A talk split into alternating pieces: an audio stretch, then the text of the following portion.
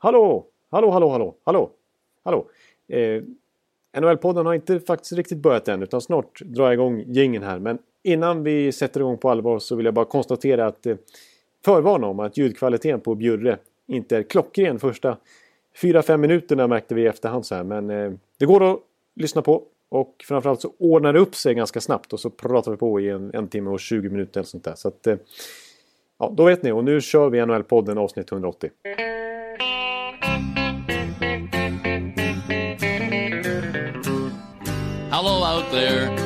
The air. It's hockey night tonight. Tension grows, the whistle blows, and the puck goes down the ice. The goalie jumps and the players bump, and the fans all go insane. Someone roars, Bobby scores at the good old hockey game. Oh, the good old hockey game is the best game you can name. And the best game you can name is the good old hockey game. Hallå, hallå, hallå där, hallå, hallå, hallå, hallå, hallå där. Hallå, hallå, hallå och välkomna till eh, NHL-podcasten med eh, Jonathan Ekeliv, Ondskan Baloo, Mowgli, Bamse. Kärt barn har verkligen många namn eh, i Stockholm och mig Per Bjurman i New York när vi nu spelar in det 180 avsnittet av den här podcasten. Tänk vad vi har suttit här och babblat ändå. Och vi, det, det, oj, vad vi kommer babbla idag också. Ja, det kommer vi att göra. Jag, jag blev nervös här, för innan, vi brukar, innan du brukar köra ditt hallå, hallå, hallå så, så säger jag alltid har du tryckt in inspelningsknappen? Och det glömde jag göra nu så jag måste fråga nu i sändning. Tryckte du in inspelningsknappen? Ja, jag Ja, gjorde det precis innan jag satte igång hallå, hallå, hallå så kom jag på det. Ja. Ja, Det är för det har ju hänt i, början av vår karriär så hände det att vi spelade in ett halvt avsnitt och så kom du på oj då. Det, det, Vi har, jag har inte spelat in det här. bland det mest basala som krävs av mig för att vi ska kunna spela in en podd. Och ändå lyckas jag glömma att trycka på den stora röda knapp, knappen framför mig. Men, så det, jag förstår det fortfarande. Det har gått typ 100 avsnitt sedan dess. Men det, det sitter fortfarande i. För det var ju, det var ju nästan traumatiskt eh, för oss. När vi Ja. hade liksom spelat in eh, 40 minuter och sen eh, fick börja om. Men vi är igång nu i alla fall. Nu är vi igång, nu är vi igång. Och eh, ja, det har ju hänt lite sen förra veckan. Vi tänkte lite nyhetssvep här i början. Eh, för det var lite trader, lite skador och lite eh, andra slags nyheter. Och vi kan kanske börja med då det som var mest traumatiskt för dig var ju att eh, strax efter vi hade spelat in förra veckan eh, när All-Star-lagen ju kom ut. Ja. Eh, och bara någon dag efter All-Star-lagen, som ju var en, en dröm för mig för övrigt eftersom det var ju sex svenskar med. Eh, Det var ju till och med fler än jag hade hoppats på. Men en av dem var ju då Victor Hedman såklart. Men han gick sönder bara någon dag senare. Gjorde illa ett knä. Ja. Eh, och eh, ja, det, det, det såg ju värre ut än det dessvärre, än dessbättre var. liksom. Ja. Du måste, ditt hjärta måste ha stannat, eller hur? Ja, det var... Det var ja, det är, så, här- det är nästan så svårt att prata om. Nej, men det, det var ju... Det såg, det såg inget bra ut på bilden när man ser verkligen hur knät viker sig inåt. Eh, Nej. och faktum är... Ja, och just att, att han inte kunde stödja på benen när de, när de hjälpte honom av isen. Nej, precis. Och, och, samtidigt var känslan för mig att det här var lite droppen. Att det inte var bara en så plötslig skada som hände i stunden. För det var det ju visserligen. Men, men att jag noter, hade noterat de senaste två, tre matcherna. Framförallt på deras roadtrip innan den här hemmamatchen mot Calgary. Att han hade faktiskt åkt i båset ibland och sett lite halt ut. Så jag Jaha. blev liksom inte så förvånad att det... Så jag, jag tror att det är lite förslitning inblandat i den här skadan också. Eh, så därför tänkte jag att det, det, skulle bli, att det skulle bli en ännu längre skadedom än vad det blev. Eh, Ja. jag måste ändå säga att Men- jag pustade ut lite grann. Ja, eh, några dagar senare kom ju beskedet då att han är borta tre till sex veckor och det är ju inte kul det heller, men det är ju väldigt mycket bättre än resten av säsongen, eller liksom flera månader. Ja, ja, ja visst. Och nu försöker man se det positivt. De har haft en bye week här, så då försvann det en vecka. Det ska vara All-Star break. vilket Han visserligen de missade det hemma i Tampa. Framför hemmapubliken. Men det är en, en liksom spelvecka, som, halv spelvecka åtminstone, som försvinner där. Så han kanske, han missar inte så många matcher trots allt. Kanske 7-8 i bästa fall. Och så blir han lite utvilad här. Får en fri månad här. För nu är, vi har ju fina stora Stanley Cup-planer vet du. Ja, Bjurman. men han kommer ju, dessutom kommer han vara hemma under, under All-Star säkert då, och vara delaktig ändå och bjuda hem sina landsmän på middag och sånt om jag känner honom rätt. Ja, det, det, är det. Eh, eh, och eh, ja, vi får se. Det har ju fortfarande inte utsetts någon ersättare. Det ska vara en annan Atlantic Division back då som ersätter honom. De övriga två, Erik Karlsson och Mike Green, måste, en till, vem ska det vara? Jag tycker att det vore eh, smidigast att bara slänga in Strålman så vi behåller den svensk, svensk faktorn hög också. ja, jo, det, det, jag tackar inte nej till det. Naturligtvis. Men nej. det är väl eh, Sergachev kanske står högre upp och så pratas det om McAvoy då förstås i Boston. Boston Ja. borde ha haft några till i i All-Star kan man tycka efter deras fina säsong här.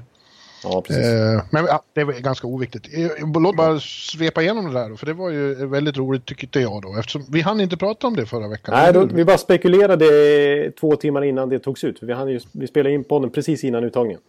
Ja, det var ju då Viktor som sagt, Erik, Henrik Lundqvist, eh, John Klingberg, eh, Raquel. Raquel, Raquel och Oliver Ekman Larsson.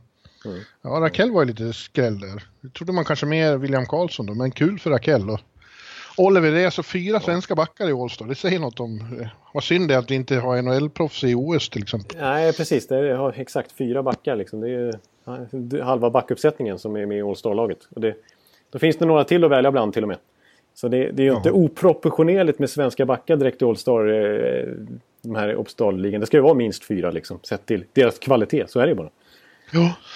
Hade Filip Forsberg varit frisk är det inte omöjligt att han... Nu är han forward då, men det är inte omöjligt att han hade varit med även han. Exakt.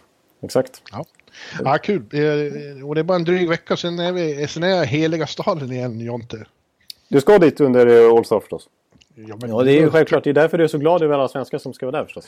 Ja, annars vore det väl detsamma. Annars skiter du i det. Ja. Tacka fan för det. Var jag Ja. ja, då ska du sitta där i tiki-baren alltså. Ja. Ja, men det om det. Viktor kommer tillbaka i god tid och hinner eh, eh, hjälpa till och, och säkra President's Trophy och eh, eh, de två omgångar de ska vara kvar i slutspel. Hallå? Ja, ja. ja jag gillar, gillar det där förstnämnda du sa. Säkra President's Trophy i alla fall. Det, det köper Ja. jag. Men du, sen hade vi som sagt eh, ett par trader här. Eh, Anthony Duclair, som väl, han begärde ett trade från Arizona, eller hur? Ja, det hade ju kommit fram att, att de mer eller mindre hade arbetat med att eh, trada bort han i minst, ja, minst ett års tid, kanske till och med två. Eh, Ja. Och att, att det helt enkelt inte hade funkat för honom där i Arizona på varken på eller utanför isen i princip. Eh, och att, Nej. att han mer eller mindre hade stöd från lagkamrat som tyckte att han fick lite för dåligt förtroende. Typ. Nej, men han, alltså han... eh, Ja, och, och till slut så, så fick eh, Chicago eller Arizona, hur nu man ser det, panik.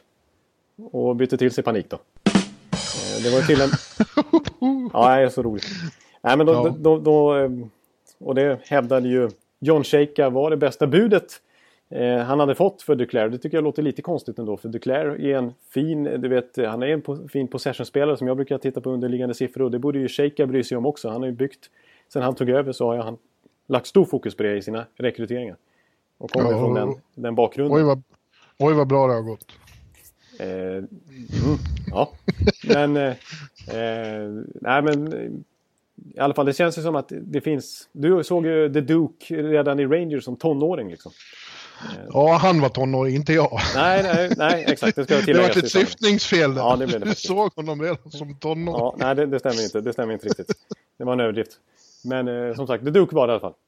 Ja. Det, det, jag, jag, jag ser fortfarande en potential i honom. Däremot, Absolut. Däremot har jag, jag i princip som tonåring på riktigt alltså såg panik i Tampa Bay och Sir, i, i farmarlaget Norfolk som det hette en gång i tiden. Jag har alltid haft bilden. Han var ju faktiskt del av Original Triplets. Alltså innan Kutcher kom in i bilden så var det Johnson, Palat och Panik. Nere i Ja. eh, Norfolk. Och, och jag har alltid haft en bild av Panik som visserligen bra skott och liksom en rivig spelare sådär, men ganska kantig ändå. Eh, så att jag, jag har inte jättestort förtroende på honom faktiskt. Nej. Nej, eh, men eh, Duclair då och Glenn, Clendenning, eh, vår vän Journeyman som också har varit i Rangers så sent som förra säsongen. De har hamnat i Chicago då och eh, ja, Chicago ver- verkar ju väldigt angelägna om att få The Duke och han eh, eh, och för honom måste det vara ett enormt lyft. Även om nu inte Chicago är samma Chicago som för fem år sedan så är det ändå väldigt mycket bättre säsong än vad Arizona har. Ja, det är en resa där. uppåt i tabellen. Ja, verkligen. Han är med och slåss om slutspelsplats. eh, Och eh, ja, om han får... eh, De är ju liksom inne i en generationsväxling där han kanske passar bättre in och får, får förhoppningsvis mer chanser av coach Q. Ja, jo, men det känns faktiskt som att jag har en ganska bra magkänsla där kring The Duke med Q som coach liksom. Och, och Chicago och deras lilla gen pågående generationsväxling liksom. Eh, det, det, och de brukar ju ha känsla också för just den här typen av breddspelare. Eller lite, alltså lite middle six-spelare som de plockar in och som liksom blir väldigt bra. Ja. Eh, så att eh, jag tror jag, jag ja, och det, det, var ju lite typiskt att den här traden ägde rum då bara några timmar också efter att vi hade pratat så mycket Chicago i förra podden.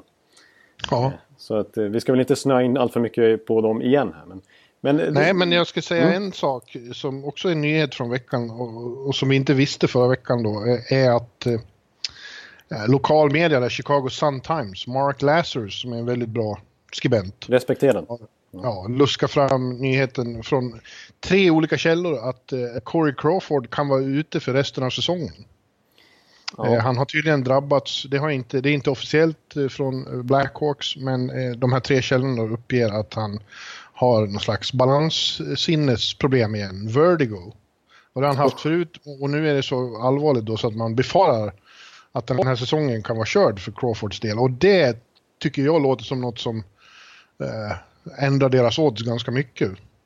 Ja, verkligen alltså. För att eh, det, det var jag in och snudda lite vid förra podden där att alltså Crawfords fantastiska betydelse för Chicago. Eh, dels under den här eran som han har varit första målvakt men framförallt kanske den här säsongen när han ju har hållit Chicago inte flytande är väl överdrivet begrepp men han har varit, han har varit deras solklara MVP fram till den här skadan. Ja. Ja. Eh, och, och liksom gjort så att de majoriteten av säsongen ändå hållit sig på slutspelsplats. Ja, och den här Jeff Glass och Anton Forsberg var helt okej, okay, men de bär inte ett lag på det sättet. Nej, exakt. Och de, i längden tror jag att de har svårt att göra samma jobb som Crawford har gjort. För det. man har ändå sett liksom att Chicago släpper till extremt mycket skott och mycket high danger chances och så vidare. Då har ju Crawford verkligen räddat dem. Liksom. Mm. Och då är jag svårt att se att 32-årig Jeff Glass eller Anton Forsberg som visserligen är ung och lovande och, och liksom dit handplockad till Chicago från Columbus i en trade i somras. Eh, ska kunna omärkt kunna ersätta Corey Crawford. Nej, men det kan ju också bli så nu att eh, om, om, om det liksom blir eh, bekräftat att han missar resten av säsongen, då är det ju inte omöjligt att de kommer att försöka skaffa sig en annan Morris. Nej. Nej. Robin Lehner. Typ. Robin Lehner är ju, känns det som den mest tillgängliga. Ja. Mm. ja. Ja. Det skulle vara en oväntad utveckling. Robin, Robin Lehner i Madhouse on Madison. Ja, exakt. Helsvenskt målvaktspar kanske? Ja, ja det, just nu låter det som att de lutar lite åt Glass faktiskt. Ja. Det är vad jag har hört därifrån. Han har gjort det bra får man säga. Ja. Eh, men eh, ja, sen får man väl i det sammanhanget konstatera att det, det är tråkigt personligen då för Corey Crawford. Dels en sån här fin säsong och att det återkommer. Det låter ju inte alls lovande för en målvakt att ha balansproblem. Liksom. Det låter inget roligt för människor överhuvudtaget vertigo. Jag, jag, tycker det låter bland det värsta man kan råka ut för. Sådär. Man bara kan ligga ner. Så fort man reser sig så blir man bara yr. Ja, exakt. Det går inte att fungera då. Nej, och det var ju inte riktigt det man förväntar sig när man bara läser upper body injury. Så det ligger en sån här ganska allvarlig ja. liksom, skada. Det var så det var med Chris Pronger. Han, han, efter sin svåra skada där, det var flera år när han liksom inte var functional för att det bara snurrade i huvudet. Du kan inte ja. föreställa dig. Nej, och då är det svårt att liksom reflektera sportsligt över det och tycka synd om Chicago. Då tycker man nog snarare mer i ja. en Corey Crawford. Om det är så här allvarligt som Lazarus ja, antyder. Ja, hoppas det blir bättre. Ja. Du, eh, precis innan vi började spela in här också så såg vi att eh Columbus Blue Jackets hade plockat Jussi Jokinen från eh, Waivers. Ja, de plockade upp honom från Kings. Hans, eh, de, han har blivit runtkastad helt plötsligt här i karriären ja. efter att gjort ganska bra ifrån sig i Florida eh, någon säsong där. Eh, ja, sen... nu är det tredje klubben på den här säsongen. Ja. ja först i Edmonton och sen i Kings och nu är Columbus. Ja, precis. Nu, nu, var lite sista chansen. Jag trodde han skulle hamna nere i AHL och våran poddvän Jarkko Päiviniemi hade ju... Eh, han är, sa ju här att han hade förhoppningar om att nu kanske Jussi Jokinen kommer till OS för Finland. Mm. De har inte tagit ut sin trupp än och han tänkte att nu blir det ingen mer chans för honom. Men då är det en annan finländare som har plockat upp honom. Det är ju Jarmo Kekkeläinen som rattar Columbus, den enda europeiska general managern. Ja, men han har ju också säkert eh, rådslagit med John Tortorella. Ja. Eh, som, som kanske gillar Jokinen, vem vet? Ja, alltså... Ja, Jokinen är ju... Det är ju Sisu. Hårt arbetande ja. tvåvägsforward som har offensiv uppsida men ändå inte är liksom... Och, och framförallt nu Columbus, det är väl den stora anledningen kanske att Columbus har drabbats av en hel del skada och bräck. Och ja. jag tror, alltså känslan kring dem är ju inte jättepositiv just nu i den stenhårda Metropolitan-divisionen när de har de här skadorna de har på Cam Atkinson till exempel och Alexander Wennberg som har missat han, rätt mycket matcher den här säsongen. Och Brandon Dubinski är väl borta också nu. Eh, ja. Så att eh, de behövde väl fylla på med ja, sitt manskap helt enkelt. Ja, de behöver det. Så är det ju förstås. Oj, ja. Jaha. Eh, kan också konstatera att eh, Nashville slutligen har börjat få mycket otur med skador. Just nu är hela Jofa-kedjan borta. Ja, det blev en riktig skadespecial den här veckan känner jag. Så här mycket ja. skador brukar det inte vara. Filip har ju precis börjat träna då igen, Filip Forsberg, men är inte redo för spel. Men samma träning som han gjorde comeback så skadade sig istället Viktor Arvidsson och fick ledas av isen. Han är nu uppsatt på IR. Ja, exakt. Och eh, i matchen igår som de spelade mot Vegas och vann med 1-0, då gick eh, Ryan Johansson sönder också. Jag vet inte hur allvarligt det var, men han Nej. avbröt i alla fall matchen. Så hela Jofa-kedjan borta, det var ju lite besvärligt. Ja, det, det ska ju märkas eh, resultatmässigt här framöver beroende på hur allvarligt det är naturligtvis. Men Viktor Arvidsson var ju inte positivt. Det verkar inte vara helt klockrent. Filip Forsberg är väl tillbaka på is nu va? Ja. Eh, men, men ändå, det är, det är verkligen, det är ju som du säger, det är ju deras första kedja liksom. Ja. Som är borta. Inte, för det, alltså det är ju, nu har jag inte tabellen framför mig, men det är ju superjämnt i, i Central. Alltså, Oj, verkligen. Måste nästan, vi, måste nästan, vi ska ju kolla, ta en liten titt på tabellen längre fram. Men jag måste nästan bara ta fram här nu. ja, jag tar, fram, ja. jag tar fram den. Jag tar fram den. Tabellen alltså. Ja. Eh. Kan det vara så att det bara skiljer nio poäng mellan ettan och den som ligger sist? Vi har Winnipeg eh, på 59, Nashville på 58, St. Louis på 57, Dallas på 55, Minnesota 53, Colorado 51, Chicago 50. Ja, ja. Chicago ligger sist på 50. Mm. Och Winnipeg leder på 59. Så det är otroligt jämnt. Så att, eh, för Nashvilles del, trots att de har en jättefin säsong och man inte är ett dugg orolig för dem och har dem som en contender så kan en sån här ett par matcher som de här killarna missar, det, det blir kännbart liksom. För det är så pass svårt att ta. Eh, så, så pass lätt kanske man säga att halka ur eh, säker mark i den där divisionen. Alltså. Ja visst. Det kommer, ju bli, det kommer nästan med all säkerhet bli så att det blir fem lag från Central och tre från Pacific i slutspelet. Även om det inte ser ut så just nu. Nej, Som, eh, eh, ja. Ja, ja, spännande. Och då vill jag ändå säga, då, då vill jag ändå säga, jag menar Kings har ändå gjort en bra säsong. De kanske går, slutar med att de missar slutspel. Och Anaheim med alla sina killar som kommer tillbaka som skadar nu, de vill man ju klämma in här också. Ja, Anaheim kommer. Det är en av mina käpphästar faktiskt. Att jag tror att Anaheim inom några veckor börjar, börjar eh, stånga sig uppåt. Ja, ja. ja det, det, det, måste de göra. Jag har ju dem till och med som Stanley Cup-finalist. Eh, så att, eh, varför skulle jag inte tro något, något, annat? Men får jag köra en liten övergång till på en, på en skada? Ja, visst. Eh, vi har redan nämnt Jarko i, i podden här. Faktum är att vi hade en liten Sportbladet-konferens under dagen.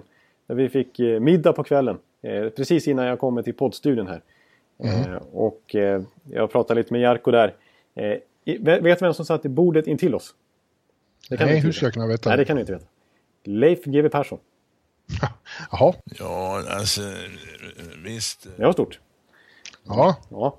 Eh, jag tror inte han satt och surrade om Sebastian Aho så mycket. Men Jarko, där är ju en annan eh, storstjärna som har blivit skadad här i, i veckan. Eh, ett, apropå jämna divisioner så är Metropolitan att, att deras bästa spelare Carolina Leif GW, är han skadad? Eh, ja, han är nog lite halt kanske visserligen, men... men, eh, men ja, just ja. Aho åkte på en rejäl jävla smäll av Mark Giordano. Mm, precis, en... Eh, en och det verkar som han både, både fick hjärnskakning och gjorde illa ett knä. Exakt, en dubbelsmäll. Ja. och då återstår det, han är out indefinitely, är väl det enda jag har hört. men mm. det är ju katastrof för Carolina, anser jag. Med tanke ja, på hur, hur, viktig han har varit den här säsongen och hans synergi med, med sin finske radarpartner Toivo Tereveinen. Evo. Teuvo. Teuvo, just det. Vi fick ja. ju lektion här om året. Man ska inte säga Toivo som vi säger. Nej. Teuvo. Teuvo. Ja. ja. Så att det eh, också inte bra. Alltså, vi, vi pratade lite om det jag och Jarko också faktiskt. Att det, vi är ju inne i omgång 40 till 50 nu någonstans. Alltså det kanske är, det kanske är lite, nu är jag menar en sån som Aho-skadan är ju en ren otur. Det är ju mer en hjärnskakning, det är ju en tacklingssituation om man ska säga. Men det är kanske ändå lite förslitningar som börjar göra sig påminna nu. Det är kanske därför det har varit en liten lavin, skadelavin som har härjat här efter, efter nyår.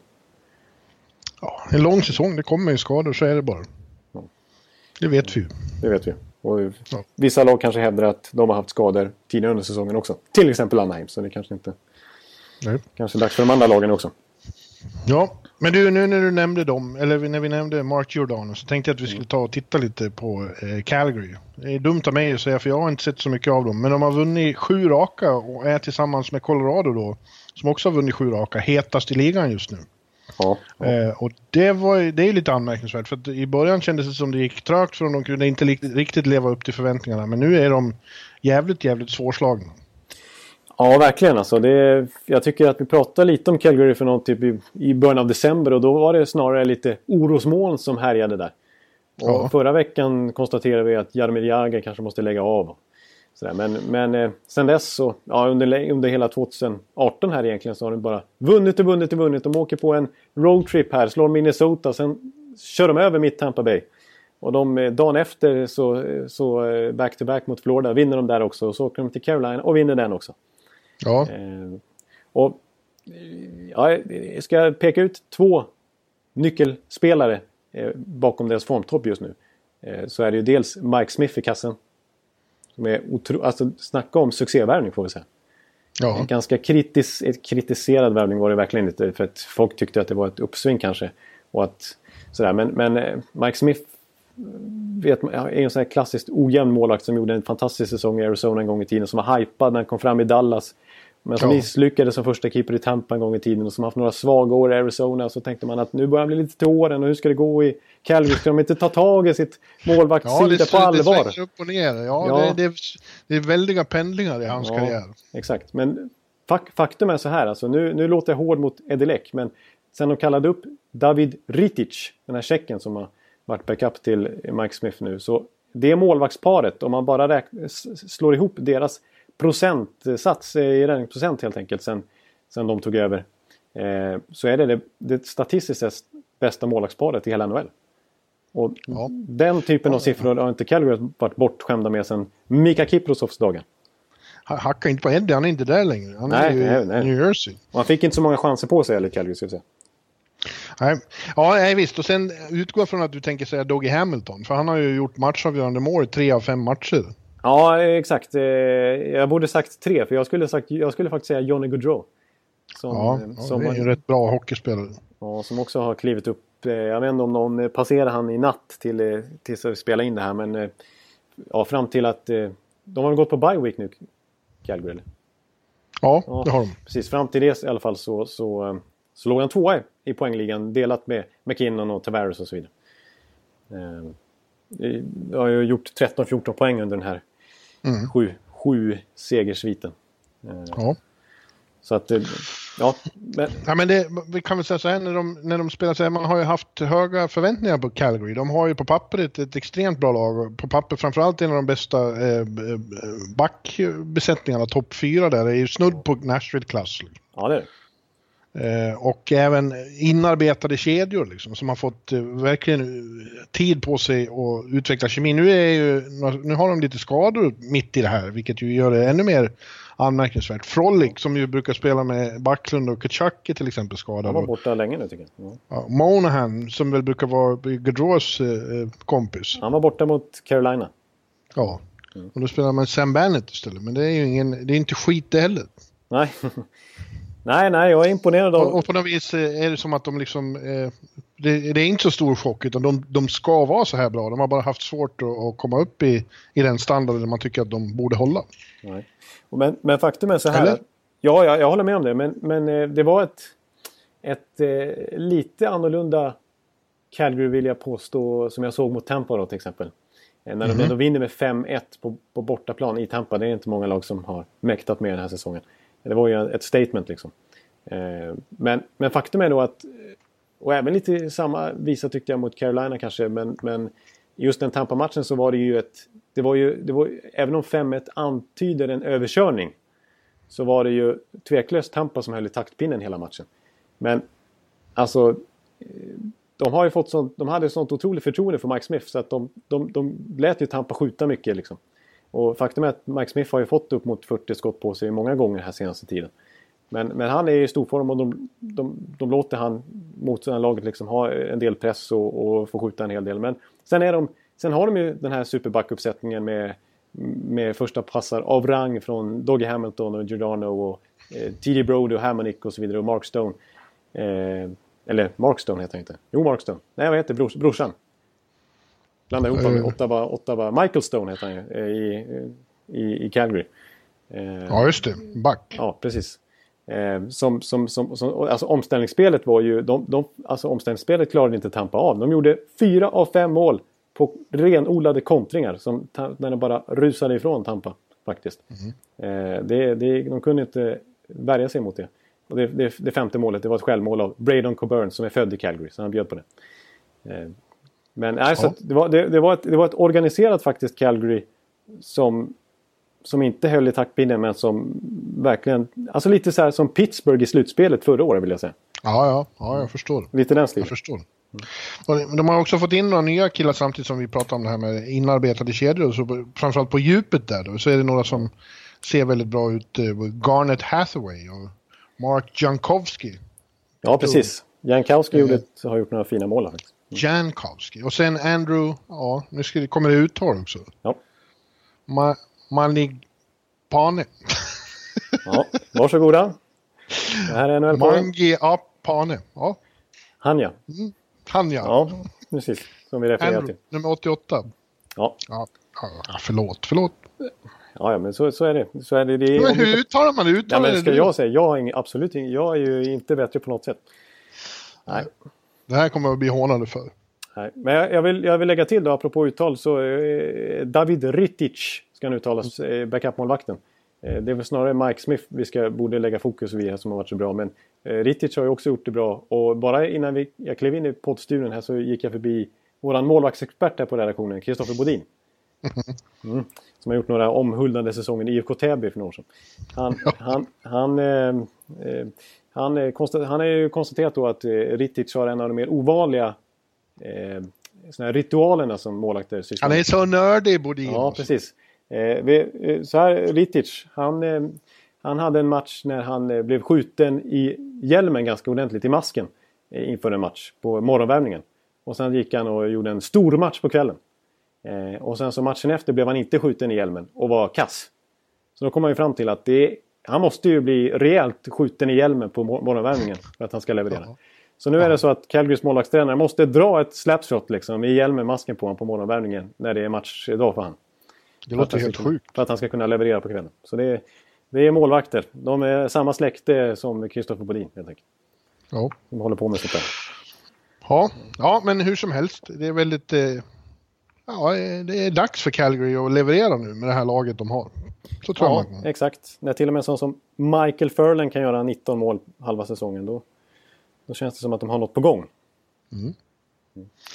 Och apropå eh, det är hög tid eh, på saker så vill jag nu säga att Pittsburgh Penguins, regerande mästarna, har äntligen börjat spela som det anstår eh, ett lag av den kalibern. Ja. Eh, de har fyra raka nu tror jag. Det har ju varit en väldigt, väldigt eh, beskedlig höst för att vara Pittsburgh. Ja. Men sedan, sedan derbyt här, eller Pennsylvania-derbyt mot Flyers som de vann övertygande, så har de spelat betydligt bättre. Det är väl helt enkelt så här att ja, ja de har tappat en del pjäser har vi varit inne på, eh, viktigt på djupet här och centerposition med, vad heter han, Bonin och, Och Cullen. och så. Ja, och, och karaktärer som Flurry har försvunnit. Men det är, for, det är fortfarande enorma kvaliteter i laget och det är väl helt enkelt så det, det, det är inget konstigt att eh, om man har vunnit två Stanley Cup och spelat så jävla mycket hockey som de har gjort. Och, och, ledande spelare har dessutom varit med och vunnit World Cup och, och what not. Ja. Någon gång eh, liksom tryter ju eh, motivation och eh, energi att spela i, i mitten av december mot, mot eh, Carolina. Liksom. Ja, ja. Nej, Förlåt, inte förlåt, eh, inte eh, Ottawa.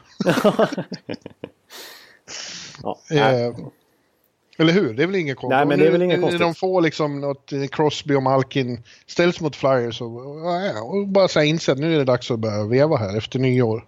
Ja, och bara en sån sak som Karl Lagerlin har varit inne på sista veckan att han tänder ju alltid till efter jul. Ja. Han har faktiskt gjort en kassa här om natten och, och börjar komma igång igen. Man börjar känna igen honom liksom. ja, den gjorde han i och för sig i tom Ja, kasse. det- det men han, var, han, var med och Ja. fix, han var med och fixade ett fint mål åt Hörnqvist där. Han rev loss pucken ur Henke Lundqvists eh, blockhandske. Så Hörnqvist som såklart stod där vid målet bara kunde vispa in den. Efteråt pratade jag med Bengan och han var ju, höll ju med om att det har ju inte alls varit... Han köpte inte riktigt med motivationen. Han sa att det är väl en sak om det är dåligt då och då, men nu har det varit dåligt så länge och så grundligt. Vi har blivit utspelade och fått storstryk. Det duger ju inte. Men nu tyckte han de hade fått bättre balans i kedjorna och något som var intressant så att eh, vi behöver inte lita lika mycket på våra tre största stjärnor så de behöver inte spela 23 minuter per match utan de kan spela lite mindre och då får de mer uträttat också. Ja, alltså härom natten så hade de ju så fungerar ju otroligt väl här i helgen när de kom tillbaka från sin bye week med det här äh, gamla 2016-upplägget eh, när de var så överlägsna hela slutspelet när de, när de splittrade på Eh, nej, vänta nu. Ja, jo, de splittrade ju på, på alla sina tre största forwardstjärnor i varsin kedja. De hade ju Kessel, den här klassiska Kessel, Hagelin och Bonino. Så det var ju Malkin i en kedja och så var det Crosby i en kedja. Och nu, Ja. var det ju, nu var det ju Crosby ihop med Dominic Simon och Daniel Språng här. Ja, Och så var det Kessel var väl eh, nere i tredje kedjan och Malkin körde ju med svenskarna på varsin flank. ja. Eh, och det, ja jag då, säger... Ja, förlåt. Nej, men då, då får de ju den här bredden. Ja, ja jag säger vi, vi ska ju avsluta dagens podd med ett speciellt segment. Men redan här så kan jag säga en sak som knyter an till det segmentet. Och att, eh, jag har verkligen inte, ser fortfarande ingen anledning att ompröva mitt tips om eh, att de har en god chans att ta tripplet igen. Även om, om, om det ser ut som att eh, andra lag är mycket bättre just nu. Så eh, tar de sig bara till slutspel så watch out. Ja, ja det, det, där, där vill jag säga att jag är på, på, din, eh, på din linje. Eh, Jag är lite förvånad när vi pratade, när vi pratade Pittsburgh för typ två veckor sedan där och, och konstaterade att de måste börja va- veva igång nu för snart så går tåget. Och sen dess har de ju verkligen vevat, vevat igång. De lyssnar på det helt enkelt. Ja, precis. Som vanligt. Nej, jag skojar. Nej, men, men eh, en lite ovänt... Då, då klagar vi en hel del på, på målvaktsspelet och konstaterar att 5 mot 5 så, så har de varit nere på under 90 totalt sett. Eh, om man slår ut alla målvaktsprestationer och däribland eh, Antiniemis miserabla start. Nu har jag varit alldeles hård mot honom här och hackat på honom under hösten. Men, men eh, alltså Tristan Jari som ju som är en stor talang de hade och som var tänkt skulle få en eh, till säsong i AHL att liksom få mer rutin och etablera sig på seniornivå. Han har ju faktiskt kommit in och totalt sett överglänst Murray. Och gjort det fantastiskt bra här, inte minst på 2018, halvan av säsongen. Han har ju varit den som har stått nu när de har sina fina segrar. Liksom. Ja. Eh, Och, Och är det inte återigen eh, anmärkningsvärt det här att de lyckas fasa in killar från, eh, från farmen? ja, Första kedjan består ju nu av Crosby och Dom, Dominic Simon och Daniel Sprong. ja, exakt. Och det, det är liksom... Det är ju... De har, de har spelat så här, sp- spridda matcher med Penguins tidigare men nu är, har de ju flyttats upp och de har haft enorm succé med det de här senaste två åren. Ja, exakt. Med Brian Rust och Jake Gensel och... Och Connor Connor, Sherry. Sherry Ja. och Gensel. Ja, ja precis. Exakt. Så det, ja, det, det, är ju, det är ju lite grann det här som, som, eh, alltså, som Chicago. De har ju fortfarande till viss del den spetskompetensen. Men framförallt för några år sedan när de blev av med liksom, ja, från deras första titel när de blev av med Bufflin och Verstig och några till. Eh, Camp, Ja. Brian Campbell. Så bara helt plötsligt så ploppar upp en Brandon Saad. Och, där, Ja, men nu är, nu är Pittsburgh mycket bättre på det skulle jag vilja säga. Ja, ja, precis. Nu har Pittsburgh övertagit den rollen lite grann. Och det är ju liksom i... eh, Alltså Wilkes Bar, jag fattar inte Wilkes Bar liksom, de är ju rätt hyfs över halvan lag i, i AHL i år igen. Och, och de, eh, trots att de tunnas ut på sina liksom största, viktigaste spelare hela tiden som plo- plockas upp till Pittsburgh. De bara, det är bara en ständigt producerande farm där alltså. Ja, och det intressanta är ju också att de, när de väl plockas upp så är det inte så att de göms i tredje kedjan. Så nu som sagt, de får spela med Crosby direkt och det är klart. Eh, Det har ju även Rust och sådana gjort liksom. Och de får Gensel. bästa möjliga utbildning kan man säga också. Liksom, liksom, Ja, mentor in i NHL liksom. Verkligen. Det måste vara kul för honom också att och liksom bli omgiven av den energin. Ja, för de, de har ju en entusiasm. Ja. Ja. Nej, jag, eh, nej jag, tror, jag tror faktiskt... Och Crosby i sig tycker jag, sen, sen, sen när han fick de här två killarna bredvid sig så har han varit jättebra. Alltså han, är, han låg ju på så här... Alltså nu, alltså nu ligger han ju över en poäng per match igen som vi känner igen honom. Men mm. under hela hösten och vintern här så har han ju varit en besvikelse. Men nu... Ja, men skulle inte du vara det om du ja. hade vunnit allt som han har vunnit? Hur skulle du kunna engagera ja, dig? Ja, nej, nej, jag skulle vara kass. Oavsett. Men, men, men, men eh, får jag dra en sån här konstig fotbollsparallell som jag tror är relevant som jag vet att Pittsburgh eh, fanbasen pratar lite grann om som en faktor som kan vara positiv här nu för, för Penguins. Och det är ju, alltså fotboll, då pratar jag amerikansk fotboll. För det har varit, det har varit eh, alltså efter två raka liksom runs med Penguins här så har det varit lite fokus på stadens lag Steelers i NFL. Som har gått så mm. otroligt bra här under under hela säsongen. Och eh, de, hade liksom, de drömde ju verkligen om Super Bowl med sina three B's där. Mm. Eh, liksom. Och sen så chokade de ihop totalt och åker ut mot Jacksonville. Eh, här, mm. här, det var väl i helgen. Eh, ja. Och nu, och då är, då är, det säsong slut. Och vad finns det kvar Nej, då? det var förra helgen. Förra, förra helgen var det kanske. Ja. Eh, och nu, är ju, jag menar, nu, då, nu det, blir det ingen Steelers nu. nu. Nu får de återigen vända sig till, till Penguins. Nu är det Penguins ja. som är stadens hopp igen, som är ensamma på banan i princip. Så att, eh, ja. Är, nu, nu, är det, nu, nu kommer liksom publiken, hela, peng, hela Pittsburgh, sluta upp kring det här laget igen. Och gå för en tripeat liksom. Nu finns det inga, inget som liksom stör. Tripeat, ja. Jag sa triplet. Ja, triplet. Det är mina killar i Tampa. Det är trillingar det. Ja. Förlåt. Nu fick jag, satt jag kaffe i halsen. Kaffe? Oj. Men du, eh, jag, hade något, jag hade en övergång på gång här, men eh, den, den föll bort. Så jag bara säger rakt ut, New York Rangers. Oj, oj. Ja, det är, vi, har inte pratat så mycket om, eh, vi har inte pratat så mycket New York Rangers. Eh, men det har ju varit en intressant eh, vecka, tio dagar här i, i Hockey New York. För att eh, inför matchen mot Philadelphia igår, tisdag, då hade de förlorat tre raka och spelat fruktansvärt dåligt dessutom. Ja. Eh, och eh, det, det, det, blir ju direkt kris här då. Ja, det är inte svårt. Det, det, det, det, var ju, fast det var värre den här gången. Alltså, det, det, var ju skakigt i början av säsongen, men då fanns ju ändå liksom, då hade de alibi just av att det var början av säsongen och det finns visst tålamod hos åtminstone några fans som att de kan få tid på sig att hitta liksom ny skepnad och så. Eh, men nu tycker man då att eh, Eh, systematiska fel har blottlagts och taktisk, eh, taktiska tillkortakommanden och ideologiska vansinnigheter. Ja. och eh, alltså Rangers, den här stormen i, i supporterleden av att Fire AV har liksom exploderat, framförallt på sociala medier då. Varje gång, varje gång Rangers lägger upp något på sociala medier så kommer det en störtskur av liksom Fire AV och idioter och ni måste göra si och ni måste göra så. Ja. Eh, nu spelar de då betydligt bättre mot Flyers, vilket de har en tradition av att göra. Flyers trivs inte alls på Garden. Ja, då konstaterar det i bloggen här. De kommer hit och som vanligt så är det hög, ja. liksom, det funkar inte. Nej, och det var ju lite oväntat just den här gången eftersom de hade fyra raka och såg ut att vara på liksom, uppsving. Men de, ja. just Flyers är väldigt svåra att få grepp om den här säsongen. Det går väldigt mycket upp och ner. Och det, så ty det tycker, måste jag ändå säga, och det har jag sagt förut, att Flyers är ju ett lag som också är sådär. De är lite som Mike Smith liksom.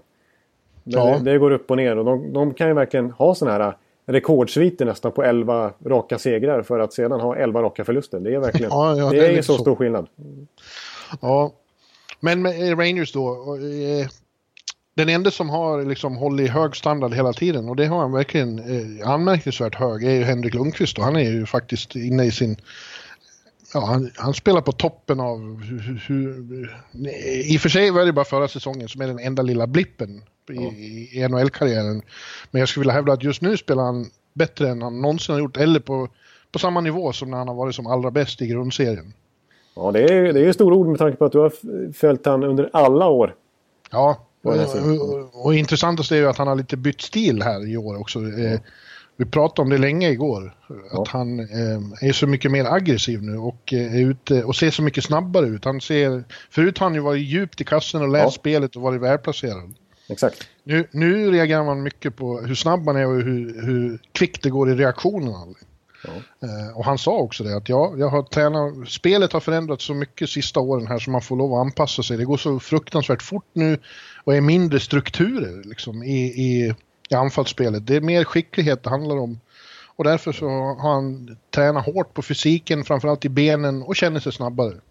Det är intressant. Ja, det är intressant för att det har ju annars varit hans kännetecken i, i Rangers kanske framförallt under deras långa cup-runs. Liksom.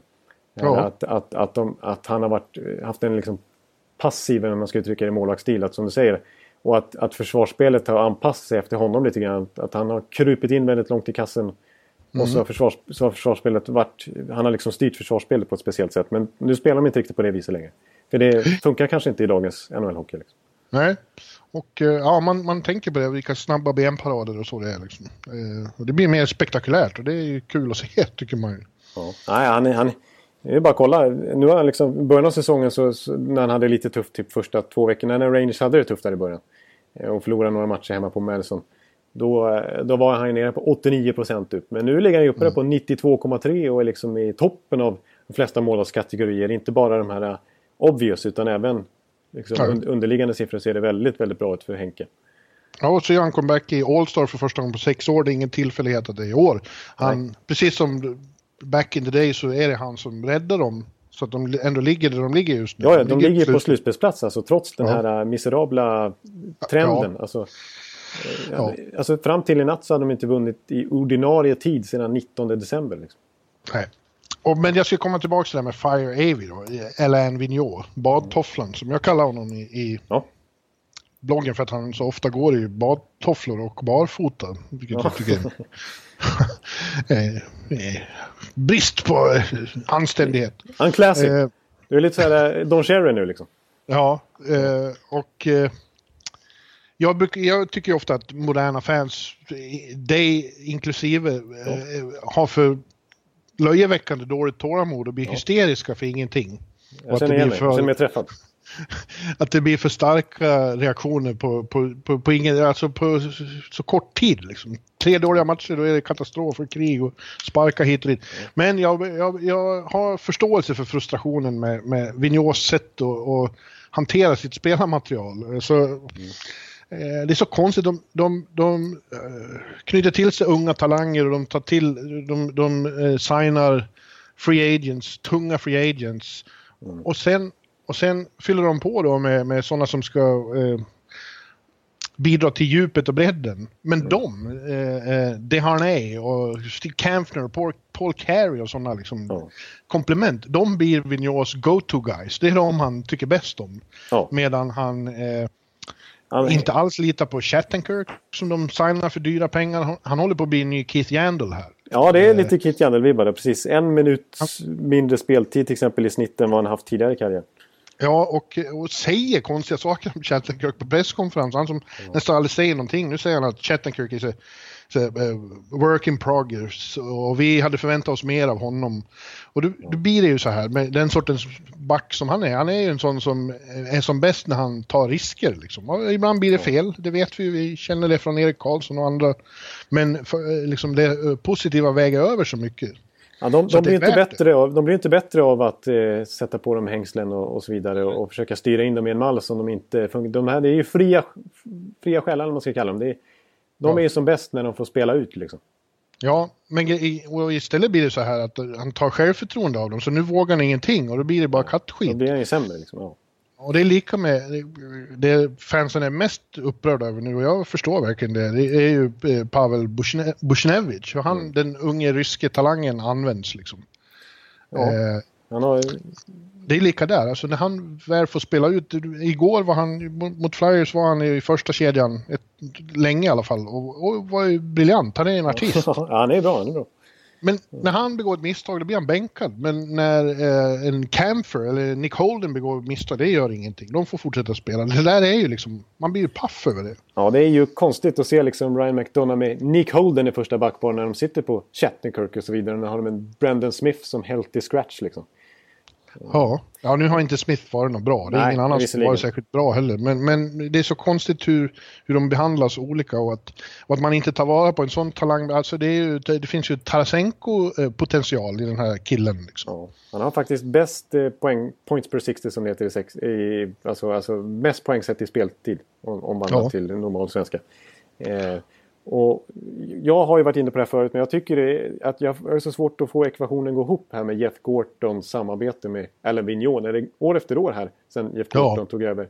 Liksom inte funkar hans värvningar är liksom raka motsatsen hur Alain Vigneault sedan använder dem. Alltså, Ja, exakt. Tony D'Angelo som de fick i, i den här stora traden med Arizona ihop med Elias Andersson. Eh, som de senare draftade till sig. Alltså, alltså Tony D'Angelo, det är också lite samma spelartyp som Kevin Shattenkirk. Eh, Men Ja. han, han skickar han ju rakt ner i AHL. Liksom. Trots att han borde vara redo för NHL nu. Liksom. Eh, ja, och eh, lite samma sak med Brendan Smith. Som de, nu har kanske inte han har varit så, så bra visserligen så han kanske förtjänar att vara lite mm, markeras med petningar och sådär. Men det, är- det är ändå en stor investering av Jeff Gorton att kliva in och förlänga hans kontrakt med 4 miljoner per säsong ungefär vad det blev. Och sen så har inte, ändå inte Vigneault riktigt förtroende för honom. Och Shattenkirk är ju den stora liksom, big fish i, i hela som, under hela sommaren. Och det blir samma Ja. Kit Yandel-situation igen. Ja. ja, det är så egendomligt. Och, och man, det blev ju liksom i blixtbelysning här när Islanders var här i, i lördags och, och, och eh, krossade Rangers med 7-2. Det var väl bottennappet på hela säsongen tror jag. Eh, och den som hade show då var ju eh, rookien Barzal. Ja. Eller hur säger man? Ja, Barzal. jag säger Matthew... Man kan, antingen Barzal eller Barzal. Jag, jag, tror, jag tror det är lite mer, lite mer... Ja, kanske att det är mer övervikt på, på Barzal. Ja. Ja, Okej, ja hur som helst. Han hade show då och var, han var helt otroligt bra. Ja. Eh, man, man, liksom... Man bara ropade några gånger, men också tänker vilken tur för honom att han hamnade i rätt New York-lag. Liksom. Eh, Ja. Det, det känns ju, hade han hamnat hos, hos uh, Vigneault så hade han liksom fått eh, spela åtta minuter i fjärde kedjan. Ja, då hade det varit eh, Pavel Buchnevich-behandlingen. liksom. Ja, det är, det är irriterande. Ja, Samtidigt då så, ja, Ja, förlåt. ja men det, det som jag tycker är, alltså apropå den här Jeff Gorton-kopplingen också. Det som i sin tur är konstigt att det, för bara ett år sedan satt vi i podden här och konstaterade att Jeff Gorton hade förlängt Allen Vigneaults kontrakt fram till 2020. Och han tjänar ju 4 miljoner dollar per säsong. Det är bara Quenville, Babcock och eh, Claude Julien som har mer lön. Eh, Så att det är ju inte, han är ju inte lättsparkad på det viset. Och det är ju lite... Han, han har enorm status inom klubben har man förstått. De, eh, de avgudar Vigneault, Gorton och de här. Ja. Och ändå, Han är ju en väldigt sympatisk person. Ja. Eh, och eh, ja, de, de har fått för sig att han är, är kanon här då. Eh, Ja. nu, tycker, nu tycker ju då fansen också att eh, det inte är värt, eh, alltså att laget inte är tillräckligt, eh, det är inte konstruerat på rätt sätt. Det är för mycket, de, de vill att Rangers ska vara sellers då vid trading deadline. Mm. Eh, och att till exempel försöka få lite eh, framtid för eh, Grabner och Nash och så. Liksom. ja. ja, de sitter ju på UFA-kontrakt eh, ett par stycken som skulle, vara, skulle ge en del. Men- Ja. Men så länge de har chans på slutspel så kan jag bara säga glöm det. Ja. För att eh, New York Rangers ägs av eh, Dolan. Ja. Och eh, Dolan håller på med det här för att det är en business. Och eh, en slutspelsomgång, om det nu bara blir en sån, är så otroligt mycket värt. För det är då de tjänar pengar. Då har spelarna inga löner, de kan höja biljettpriserna, det är vad det går ut på. Ja. ja, det är exakt. Så, så det här liksom, för fansen är det då såklart frustrerande att veta att ja, vi tar oss till slutspel men vi har ingen chans att, ja vi kanske kan vinna en omgång. Men vi har ingen chans att gå längre. Men det, det, det, det skiter eh, eh, de som verkligen bestämmer helt i. De är inte inne i det här för att bygga eh, smart och på lång sikt. De är inne i det för att tjäna pengar. Nej, De kommer inte, de kommer inte att vara några sellers, tvärtom. Nej, precis. Och nu är det visserligen inte Glenn Sader som rattar längre utan det är lite mer eh, annan approach i Jeff Gorton. Men eh, New York Rangers är verkligen inte känt för att... eh, För Ja, att Gorton gör, kan inte göra så utan att ha det sanktionerat hos den som äger allting. nej, precis. Nej, precis. Exakt. Men, men Rangers totalt sett, det är bara, finns ju, genom historien kan man, är det otaliga exempel, men bara de senaste åren så finns det ju mängder av, av stora eh, affärer åt, eh, åt buyers-hållet som, som Rangers har gjort. Med, Ja, det, Rangers är nog kanske det mest extrema exemplet här, Ja. men jag tror faktiskt att det är lika för de allra flesta. Så länge man har chans på slutspel och är med i jakten så vill alla dit. Även om det ser ut som att det bara blir en omgång. Ja, och det, det tycker jag är intressant nu när, när, när folk försöker liksom i listor eh, hitta buyers och sellers inför den här eh, inför trade deadline som visserligen är två månader bort knappt. Ja, Men alltså det är väldigt få som vill uttala sig som sellers ännu. Alltså, ja det är väl klart. ja, men så här, Ottawa, Montreal, de har absolut inte gett upp för att det är för viktigt eh, att gå till slutspel liksom, trots att eh, det ser jättetufft ut. Liksom. Ja, smarta fans är, tror för mycket på eh, det här med att bygga, bygga för framtiden och bygga klokt. De är inte inne i det för det. De tror att det här är någon slags folkrörelse. Det är business. Ja, det är ju business. Det är ju, det är ju så. Det, går, det är det som är nummer ett i NHL. Det är en pengaliga liksom. Ja, och jag kan ju faktiskt berätta, man ser inte honom så ofta, i, i alla fall inte så länge media är där, men igår efter matchen mot Flyers då kom eh, herr Dolan intrampande i omklädningsrummet, gick fram till Rick Nash där Larry Brooks av alla satt och pratade ensam med honom. Ja. Och, och, tog Nash i hand och kramade honom och började till och med prata med Larry Brooks. Oj. Eh, så att, eh, han ville markera att han älskar Rick Nash. Ja, det, var, det var inga direkt signaler om att vi ska träda bort den. Man ville sprida till den samlade New York-pressen. Han tog hand och Larry frågade honom, how you doing? Eh, Brooks har ju varit, skrivit väldigt elaka saker om Dolan genom åren, så de flinade åt varandra. Då hörde jag Dolan säga, it's much better now after this guy scored twice. ja, ja, ja. ja. Det, är ingen tillfällighet så att säga. Nej. De säger sådana saker. Ja, ja så det, det... Tyvärr Tobias Pettersson. Ja, precis. Toby, det blir ingen sellers. Nej. Det blir inga, det blir inga picks. Nej, alltså han skulle, det kommer ju aldrig hända för hans del, men han skulle nästan behöva hålla på ett annat lag. Som tänker mer som honom alltså. Ja. Han har gett upp, han ser inte matchen Han är avtänd som han säger på Rangers. Det är ja. för frustrerande för honom att se det här. Ja. Nej, han känns inte som en eh, Rangers-kompatibel egentligen. Alltså. Nej, det, är så, det är ju synd för att vi, han saknar, Tobias, du saknas i, i, i bloggen, i kommentatorspåret. Ja. Titta ja. för min skull. Ja, ja det är han, är, han har ju ett hett temperament men han kan samtidigt komma med eh, väldigt eh, underbyggda åsikter och sådär. Ja, man får se till att man eh, modererar. ja, allt kan inte publiceras. Nej, Nej, inte när det blir riktigt hett. Då Nej. får vi... Men det är okej. Det är okej. Ja. Ja, innan vi lämnar Rangers så får vi nämna också att Lias Andersson är på plats nu i närheten av dig i New York i alla fall. Och, ja, just det. Det är ju lite intressant. Han, mm. efter, efter JVM här med sin skada så han ägs ju av eh, Rangers. Ja. Så de lät ju honom inte åka hem till Göteborg och, och, rehabba utan han är här. Och det är inte omöjligt att han eh, blir kvar här också. Nej, det verkar som att de, precis som många av oss andra, imponerades över hans eh, insats i JVM. Där han ju verkligen klev fram som en ledare. Så, så kan man ju diskutera det här som vi pratade om, som varit så mycket snack om det här med kasta. Men det han gjorde på isen var ju väldigt imponerande, speciellt med tanke på sin skada.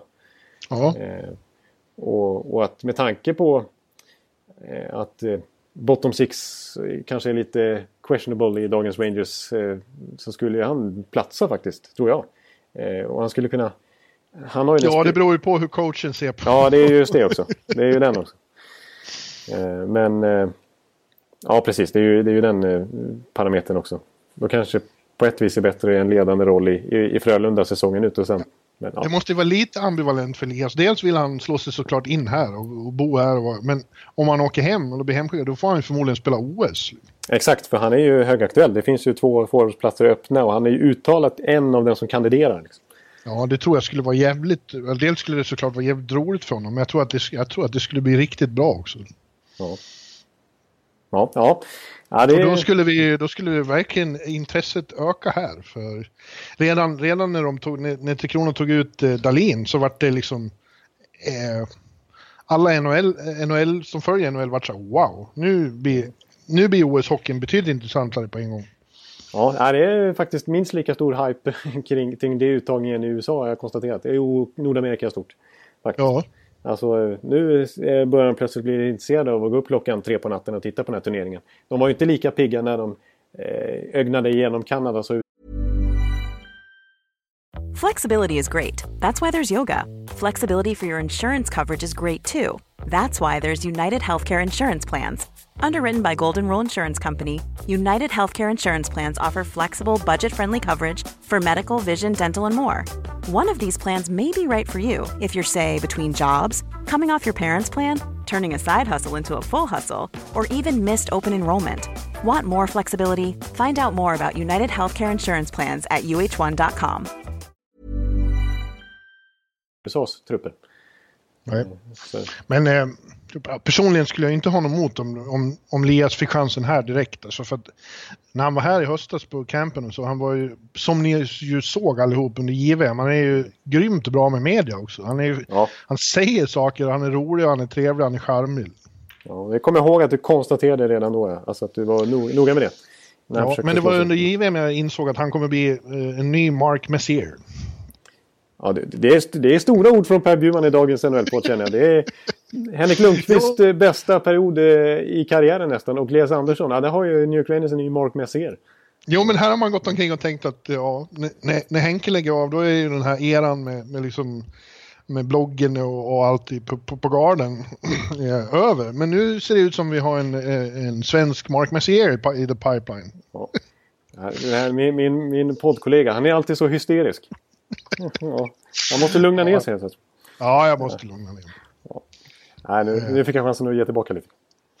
Men apropå eh, det också. Nej, nej, det var inget. Nej. Det var inget. Nej. Men eh, jo. Jag måste säga att dina övergångar är inte riktigt lika bra den här veckan. Ja, ja men det här blåste en. För här hade jag sagt, apropå OS. För ja, vi har ju en sån mm. programpunkt. Just det. Mm. Eh, vi tänkte vi skulle, förra veckan eller här för två veckor sedan eller när det var, då, då, tog vi ut trupper, svenska trupper när vi trodde att den skulle se ut om, om NHL hade varit med. Men nu har ju de, befint, nu har de verkliga trupperna tagits ut och det är ju lite roligt att se. Det är ju en del eh, NHL-bekanta namn som dyker upp. Ja, precis. Som man har glömt bort nästan. Och som dyker ja. upp här i, i, i Sydkorea. Liksom. I, i, alla, I alla nationer egentligen. I, I Sverige och jag, Kanada och USA också. Inte minst. Ja, ja alltså jag tycker det är lite kul för, eh, vad gäller Sverige då, mm. killar som... Jag har följt här borta då en del och mm. eh, måste säga att det känns kul för dem att de, de skulle ha fått chansen annars. Men nu får de åka och vara med på ett OS liksom. Staffan Kronwall och, och Joel Lundqvist och, och Viktor Ståhlberg och, och sådana. Ja. Och kanske Robert Nilsson om han hinner bli frisk och, och så. Ja. Eh, det, det värmer hjärtat på något vis. Ja, men vad, vad trevligt dig. För jag, bara innan vi började spela in podden här så sa du själv att du var lite eh, besviken över att du blev rånad på ett OS här. Skulle du varit NHL-spelare med, då skulle du fått åka på ditt tredje raka. Du gillar ju OS. Jag, jag, tror det. Jag vet väl inte. Jag kan inte svära på det. Nej, men, men... möjligen. Men det är också, om man tittar på till exempel Kanada, det är också ganska gott om sådana som verkligen inte hade fått chansen om de bästa kanadensarna hade varit med. Nej. Typ eh, Justin Peters och Ben Scrivens. Oj, oj, vilka B-målvakter alltså. det, det, är min reaktion. Ja, och Justin René Bork.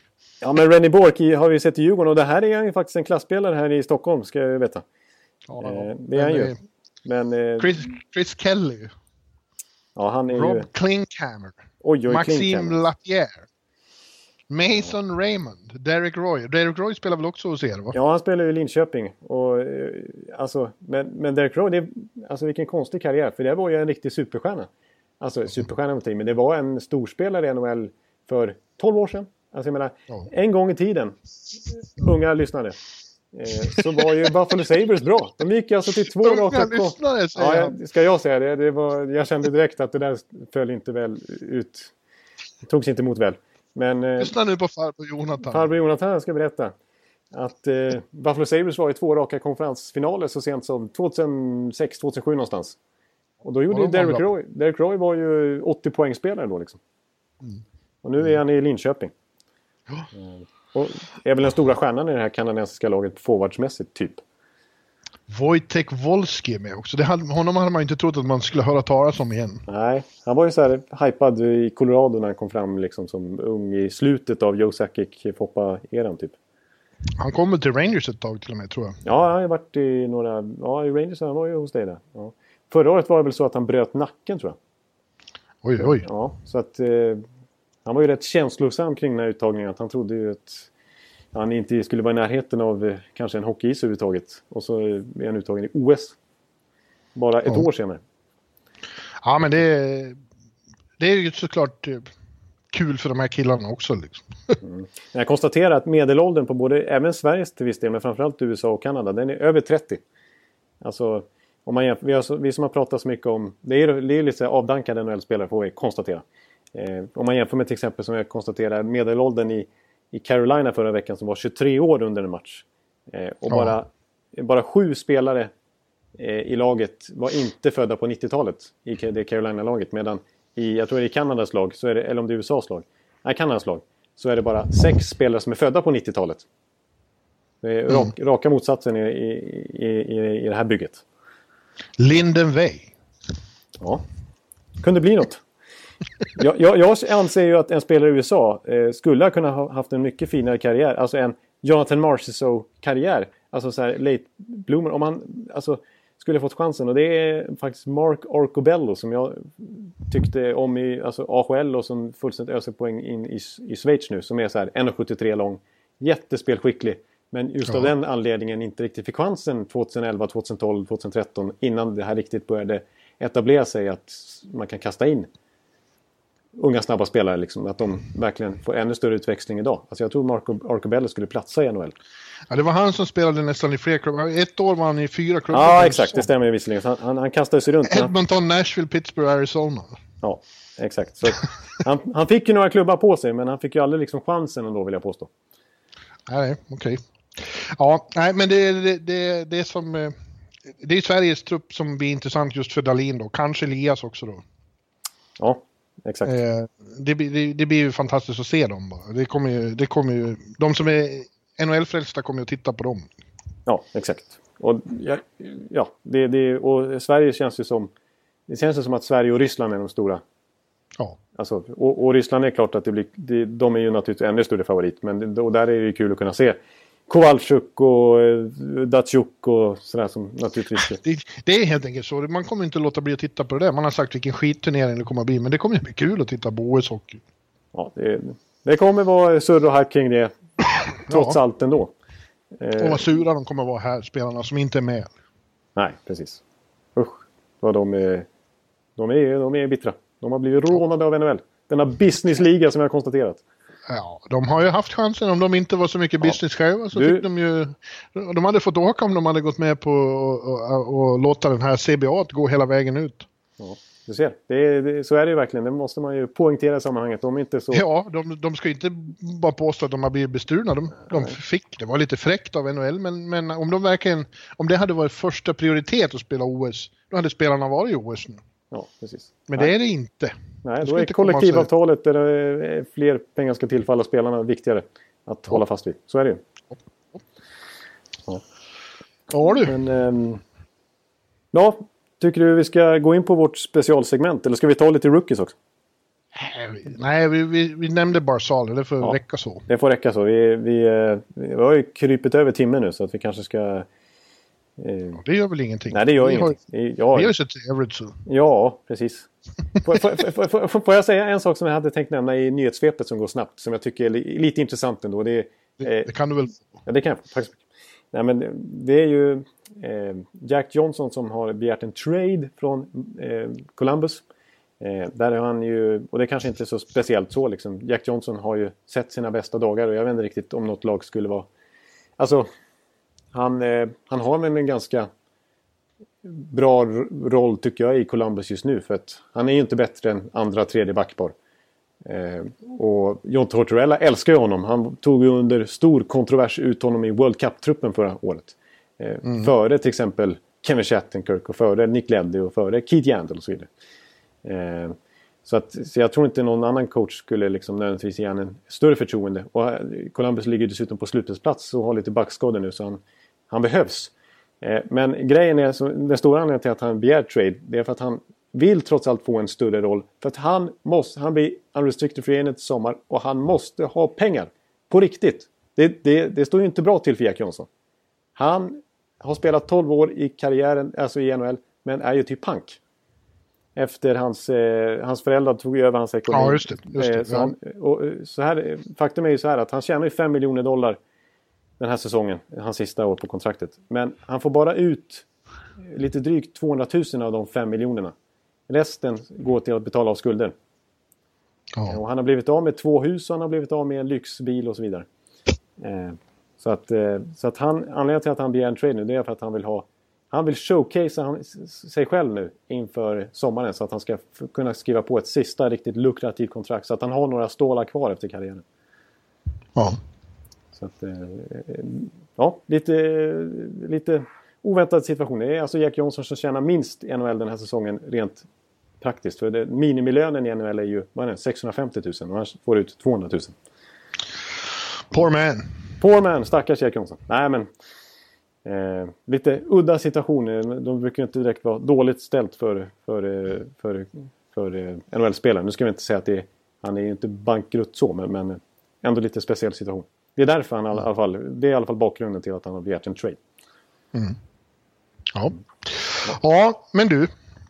Vi pratade eh, apropå eh, att vi hade lite halvtids eh, eh, sammanfattning de senaste två avsnitten. Eh, också knyta an till det och titta på hur vi tippade förra säsongen och huruvida vi står fast vid de tipsen eller inte. Just det. Mm. Och jag har tagit fram min ursprungliga blogg där jag tippade eh, 1-8 och i varje division. Ja, just det. Den som tar 10 minuter att scrolla igenom från start till mål ungefär. Ja. ja, ja. ja. Eh, och eh, jag vet inte hur du tänkte, men jag, jag ser framför mig här, jag tittar på Atlantic till att börja med. Kan Ja, jag gå men jag, igenom den? också, jag kollade, kollade upp eh, från eh, någon anteckning jag hade inför vår sista podd inför säsongen där jag faktiskt har mitt tips på, på svart, eh, svart och vitt. Ja, då kan jag läsa upp eh, från 1 till 8 då. Ja, usch. Ja, eh, Ja. jag har Toronto, Toronto Maple Leafs, Tampa Bay Lightning, Montreal Canadiens, Boston Bruins, Ottawa Senators, Buffalo Sabres, Florida Panthers, Detroit Red Wings. Eh, så där.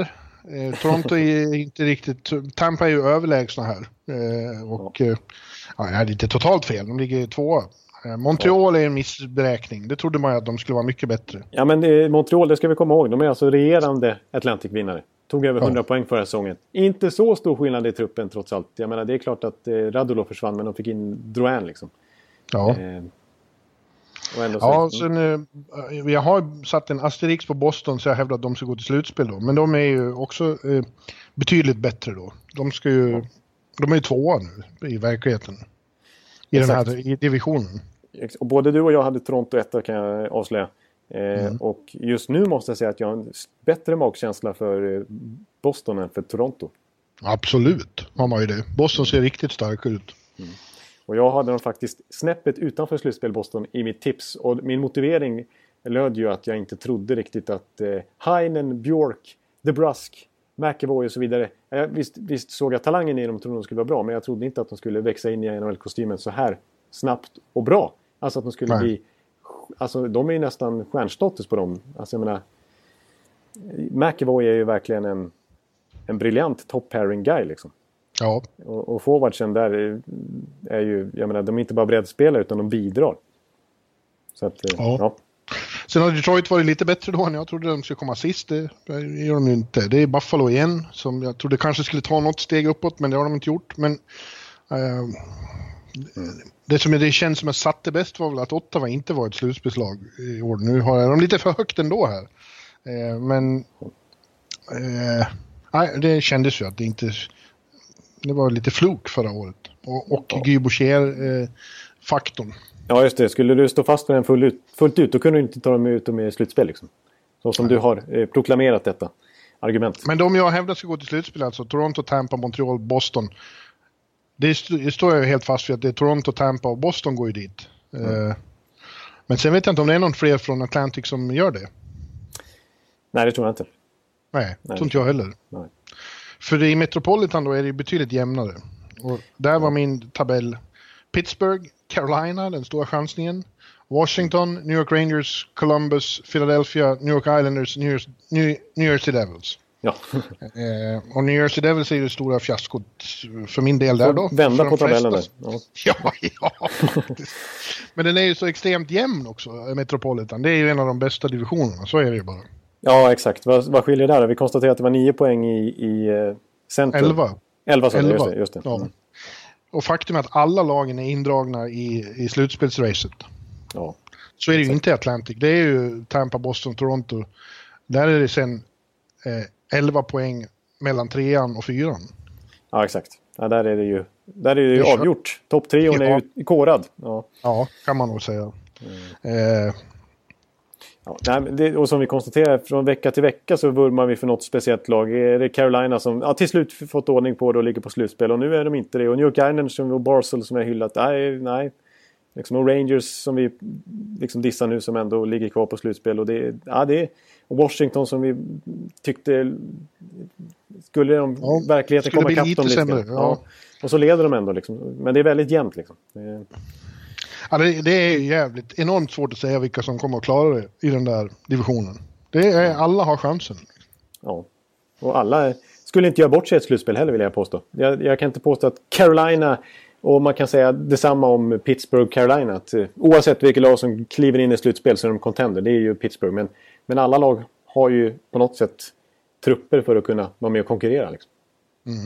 Men du har ju rätt i det du nämnde tidigare, att om, om Sebastian Aho blir borta länge då, då är det svårt att se Carolina klara det i den här konkurrensen. Nej, precis. I, den här, precis. I den här konkurrensen så är det ett för, kanske lite för stort avbräck. Liksom.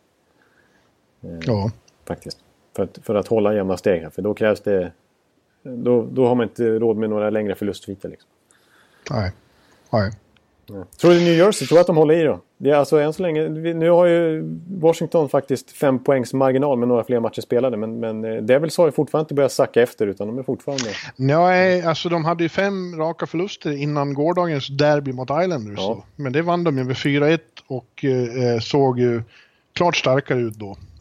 Eh, Islanders är ju ett litet mysterium. De gör ju så mycket mål. De gör mer mål än någon annan. De är fantastiska i produktionen, men de släpper också in in i helvete med mål. De har dålig defensiv och dåliga målvakter. Ja, ja det är lite konstigt. Tycker jag. Så, alltså om man tittar rent på... Jag tycker att de har bra spelare på försvarssidan. Jag gillar deras backuppsättning på pappret, men det, det är Ja, det är framförallt målvakten. Framförallt är det ju målvakten som kastar in puckar då och då. Eh, Ja. Där måste de faktiskt agera. För att, alltså jag, på, på allvar, alltså ett, ett New York Islanders med en Vasilevski eller en Carey Price. Nu, nu kan de inte få en sån målvakt. Men, men om vi ponerar att de skulle ha en sån superkeeper. Med, och, och sen ha samma lag som de har framåt. Alltså, oj, då tycker jag att Islanders skulle vara en contender. Alltså. Ja. Så bra är de ute på isen. Liksom, Ja. Mm. ja, men låt oss bara slå fast att det är ganska omöjligt att, att, att sia om hur Metropol... Men jag tror ju, de jag är säkra på går till slutspel, eller säkra, men som jag tror går till slutspel, Ja, Pittsburgh och Washington, tror jag man kan slå fast. Ja. Och kanske Columbus, jag vet inte. Ja, jag är lite rädd för Columbus skador här nu. Om Ja, det, alltså, ja, det har du rätt i. Alltså kan det göra att de inte klarar det? Det återstår att se.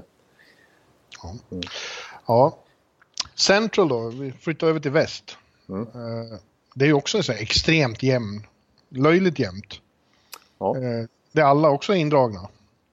Ja. Eh, Där hade jag etta Dallas, tvåa Nashville, trea Minnesota, fyra St. Louis, femma Chicago, sexa Winnipeg, sjua Colorado. Ja. Och där tro, trodde jag då tydligen bara att tre av dem skulle gå till slutspel. Dallas, Nashville och Minnesota. Det var snålt. Ja, det var det. Ja. Jag överskattar lag i Pacific, kan man lugnt säga. Ja, ett av dem börjar på E. Ja, ett annat på A. Ja, just det. Mm. Jag chansade ju på dem också, min idiot. Ja, ja. ja, men det är, jag, jag är inte mycket bättre själv kan jag säga. Ska jag läsa min tabell? För den är ju värre nästan. Faktiskt. Eh, jag tippade alltså Bruce Boudreaus grundseriemaskin Minnesota Wild skulle vinna Central. Dallas Stars 2. Chicago Blackhawks 3. Nashville Predators wildcard-lag. Winnipeg Jets wildcard-lag. Så jag hade i alla fall alla fem Central-lag inne. Och sen hade jag St. Louis sexa. Och Colorado Ja. sjua. Uselt, uselt. Men som du konstaterade tidigare så är det ju bara nio poäng mellan ettan Winnipeg och sista Chicago då. Det är bara sju lag i den här. Ja, alla är ju bra. Ja, alla är indragna. Ja, verkligen. De som har överraskat stort är ju Winnipeg då och Colorado. Ja, precis. Det får man ändå säga. Alltså, och jag vill ändå nämna St. Louis som en överraskning. För att jag tänkte att inför säsongen, då satt vi ändå och konstaterade att Robbie Fabry blir borta. Och Alexander Sten, de hade ju ganska mycket skador i början av säsongen. Och Jay Bow missade, mycket, missade stora delar av säsongen. Eh, alltså, alltså liksom att Brainer Chen skulle gå in och göra, vara en, en poäng per matchspelare. Liksom. Att Jaden Schwartz och Tarasenko, att den kedjan skulle vara liksom en av NHLs bästa. På det, på det, alltså, den sån dominans som de var framförallt under hösten. Eh, det, och att Carter Hutton skulle vara en, en ligans bästa backup. Liksom. Eh, Ja. Det hade jag inte... Det var inte med i mina beräkningar. Och därför hade jag dem utanför slutspel. Ja. Ja. att, eh, ja. Eh, men eh, det är ju lika där. Vad ska man, vad ska man tippa? Jag, jag tror att fem lag kommer gå till slutspel därifrån. Det verkar ju rätt så... Ja, förmodligen. Så blir det. Ja. Men eh, Det, men det är väldigt... Jag tror att det blir Chicago som inte... De tror jag jag räknar bort. I övrigt ja, jag räknar tror jag, bort dem också. Crawford är ju nådastötande. Ja. Eh, övriga sex blir det stenhårt in i kaklet. Och Nathan McKinnons Colorado är ju inte den slagpåsen heller, så det, de vill man inte räkna bort den. Nej. På något sätt, det finns ingen anledning. Ja, vi jag, jag, jag, jag vill lyfta fram ett lag där som jag tycker har varit extremt starkt här på slutet, som jag tror kan kanske, ja, kanske kan vinna divisionen till slut. Det är ju Dallas. Ja, tycker jag Ja, det har de riktigt börjat få bra till ut. det Alltså. nu. Ja. ja. ja visst. Fan. De, eh, han är duktig, Hitchcock. Han, är, han har över... Pos, vad heter det? Han har Ja. överraskat mig positivt, Hitch. Ja, nu börjar jag faktiskt... Jag börjar ana strukturer i deras spel nu. Det som var lite svårt att sätta från början med en helt ny, helt ny approach liksom, som han kommer in med. Eh, det börjar se bra ut. Och, och för, den, för den skulle inte liksom tumma på offensiven så mycket. Utan försvarsspelet börjar se bra ut. Ben Bishop har ju spelat upp sig och även Kari Lehtonen. Ja. Eh, men, eh, och forwardsmässigt har ju en sån som Radulov verkligen kommit igång nu tycker jag. Ja, när han sätter ihop dem med, med Ben och Seguin ibland i powerplay så jävlar. Då är, det en, då är de topp i ligan liksom. Ja. Eh, mm. Eh, och Klingberg är ju faktiskt enastående. Han drar ju ifrån i backarnas poängliga. Ja, åtta poängs marginal till tvåan John Karlsson. Ja, det, det, det, det kan inte nog påtalas i vår podd här. Nej. Nej, men det kan ni inte göra. Vi har ju alltså en svensk back som leder poängligan med 8 poängs marginal. Alltså Ja. på backarnas. Och vilken coachtriumf härom, eh, bara härom igår. Eh, För två matcher sedan då så petade han plötsligt Jason Spezza som har haft en Just det, väldigt tung healthy säsong. scratch. Mm. Ja. Och kommer tillbaka matchen därpå och gör två mål direkt. Det var, han, och, och Hitch sa, han kommer att bli bättre nästa match. Ja. Mycket Ja. riktigt. Då smäller han dit två kassar. Ja. En Ja. ganska överlägsen seger mot Detroit. Spelmässigt Ja. alltså. Det var det. Ja, men det, då kommer stora fiaskot då. Vad gäller tipset. Usch. Och det är Pacific då. Där Ja. har jag. Etta Edmonton, tvåa Calgary, trea Anaheim, fyra Arizona, femma San Jose, jag tror, trodde tydligen de går till slutspel. LA Kings, Vancouver och hopplöst sist Vegas Golden Knights. Ja, Korsning, korsning! Ja. Skitlaget Vegas Golden Knights. Strykpåsen. Ja. ja. Ja, ja det, det, där var det faktiskt nästan eh, upp och ner. Ja, verkligen. Eh, Mest av alla fyra eh, varianter. Det enda jag satt korrekt nu tror jag är, Vancouver. Ja. Ja. Ja, Jag har eh, liknande. Jag hade Edmonton 1, Anaheim 2, Calgary 3, San Jose 4 och så hade jag också Arizona högt. Femma, men utanför slutspel. Och så LA Kings. Vi trodde ju att LA Kings... Att jag, vi, vi tänkte ju inte att John Stevens... Vi kände ju att det var ett lite tråkigt val. Inte att han skulle få Dustin Brown att återuppstå. Nej. Utöver Anse Kopitar, Jonathan Quick och Drew Dowdy och så vidare. Och Och de har varit utan Jeff Carter. Han har börjat, han har börjat åka skridskor igen tydligen. Så snart blir de ännu bättre. Nej, så att... Eh, ja, Nej, och, och, den, den grova överskattningen var Arizona och den grova underskattningen var i Vegas. Men sen var det mesta fel i övrigt också. ja. ja, det är svårt att, att, att diskutera den här tabellen liksom så här i efterhand. För att det var så otroligt fel. Ja. Eh, alltså Edmonton Oilers, båda hade... Ja, Edmonton har man ju också överskattat grovt. Och de har ju så här sophomore slump helt enkelt. Ja, precis. Och, de, eh, och Peter Chiarellis moves har liksom eh, börjat ge effekt åt fel håll. Eh, onekligen. Inte ens Conor McDavid kan rädda dem. Liksom. Ja. Så ser jag här eh, nedanför, eh, då har jag skrivit final. Pittsburgh Penguins, Edmonton Oilers. Stanley Cup-mästare Pittsburgh Penguins. Jag tror inte att Edmonton Oilers kommer att spela final, men jag tänker inte ta tillbaka tipset att Pittsburgh Penguins kan vinna. Så sa jag tidigare och det står jag fast vid. Ja, det var ju din lilla återkoppling här. Eh, får man säga. Och det... Ja, då... Och du sa Pittsburgh eh, eller hur? Ja, jag sa final mellan Pittsburgh och Anaheim. Och eh, ska jag vara lite... eh, Stå för mitt ord här och säga att jag står fast vid det också. Ja. Jag menar, ta sig Ja, det- Anaheim in i slutspelet så är det inte omöjligt att de går till final. Alltså, Nej. truppen eh, har ju den potentialen, vill jag påstå. En skadefri Anaheim-trupp. Ja. Och Pittsburgh, alltså, det blir tufft att ta sig an dem i ett slutspel. Alltså. Nej, jag, jag står fast vid det också. Jag hade också Pittsburgh som vinnare. Jag har några till här. Utmanare 1 i öst, Toronto. Utmanare 2 i öst, Tampa. Ja. Ah, inte helt fel, men jag tror att eh, utmanare 1 är Tampa och utmanare 2 är nog snarare Boston. ja, det skulle jag säga också. Mm. Utmanare 1 i väst, Dallas. Utmanare 2 i väst, Nashville. Ja, de ligger ju bättre till än Edmonton. Ja, De det- det var lite bättre. De, jag tror någon av dem i final. Det, Ja. det säger jag. Dallas eller Nashville i final. Ja, så vi, okej. Pittsburgh mot Nashville eller eh, Dallas eh, slår det fast här den eh, 17 januari. Ja, ny, nya bud. Men jag har också individuella priser här som nog blir Oj. fel. Art Ross, och Conor McDavid, det kan väl i och för sig fortfarande hända. Främsta utmanare Austin Matthews. Nej. Ja, nej, det var inte helt, inte helt rätt. Rocket Richard, Austin Matthews, främsta utmanare Nikita Kucherov. Ja, Ja, utmanaren är ganska, bra. ganska bra. Mm. Hart Trophy, Conor McDavid, främsta utmanare Sidney Crosby. Nej, Ja, det var det faktiskt ute och snurrade. Det var ju inget vågat tips inför säsongen. var jag ute och snurrade? Jaha. Ja, Vessina. Matt Murray, Pittsburgh, främsta utmanare Braden Holtby, Washington. Nej. Ja, det var det faktiskt tokigt ute och snurrade också måste jag säga. Ja, verkligen. Norris Trophy, Erik Karlsson 8 var främst utmanare Victor Hedman. Nej, ja, Victor kan ju få det, det Ja. tror jag. Men Erik, eh, om han inte nu eh, iscensätter en fantastisk andra halva av säsongen så är det inte säkert att han blir ens nominerad. i år. Ja, det är så pass faktiskt. Så är det ju. Calder Trophy, eh, Charlie McAvoy, Boston, främst utmanare Clayton Keller, Arizona. Men den var väl okej? Ja, det är godkänt. Det, det tycker jag ändå. Jag menar, Clayton Keller var ju den stora favoriten i oktober och början av november. Men sen dess har ju två stycken framförallt, och även McAvoy måste vi lägga till. Men Besser och Barzell har ju... Ja, Det känns som ja. att det är de tre som det står mellan. Jack Adams, Mike Sullivan, Pittsburgh, främst utmanare Mike Babcock, Toronto. Nej, nej. Nej, Det, eh, det kan de ju ge till eh, Galant i Vegas redan. ja, det, det måste vi säga. Svensk poängkung, Niklas Bäckström, Washington, främst utmanare Erik Karlsson. Nej. Nej, du, du, hade du sagt William Karlsson där, då hade, du, då hade du fått en medalj den 17 januari här. Ja. Ja, nej, Bäckis kan väl ta sig upp eh, och ja. Svensk Filip Forsberg, Nashville, främst utmanare William Nylander, Toronto. Det var i alla fall en William. Ja, just det. Och Filip är ju Morgan, det går inte att komma Han är, var ju hack i häl med, med William Karlsson här fram till sin skada. Ja. Eh, Och William Nylander har ju varit en liten besvikelse. Han, eh, Han, är, han har en liten sophomore-slump han och inte får inget... var lite styvmoderligt behandlad av Babcock emellanåt. och för den skulle har han väl ändå gjort upp kring 30 poäng. Så det är ingen... Det är en bra säsong ändå, men det är inte den här explosionen efter att ha blivit MVP i VM som vi förväntade oss av detta Toronto-lag.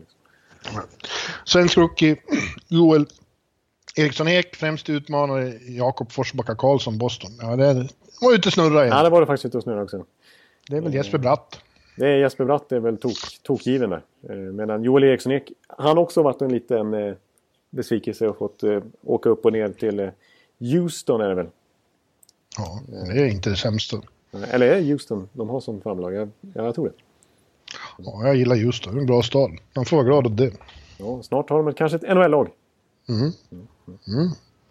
Houston Coyotes. Just det. Inte omöjligt.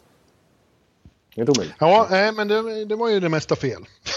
Det, det var det faktiskt. Det var inte, det var inte jätteskrytsamt att komma med det där här känner jag. Nej. Men det, är Men det är bara halva säsongen. Ja, precis. Och det är, jag, jag kom ganska lindrigt undan här vill jag påstå. och Behövde inte nämna så mycket av mina tips. Nej, det var jag De som fick schavottera. Ja, exakt. Jag, jag hade inte så mycket bättre faktiskt. Det, det är svårt.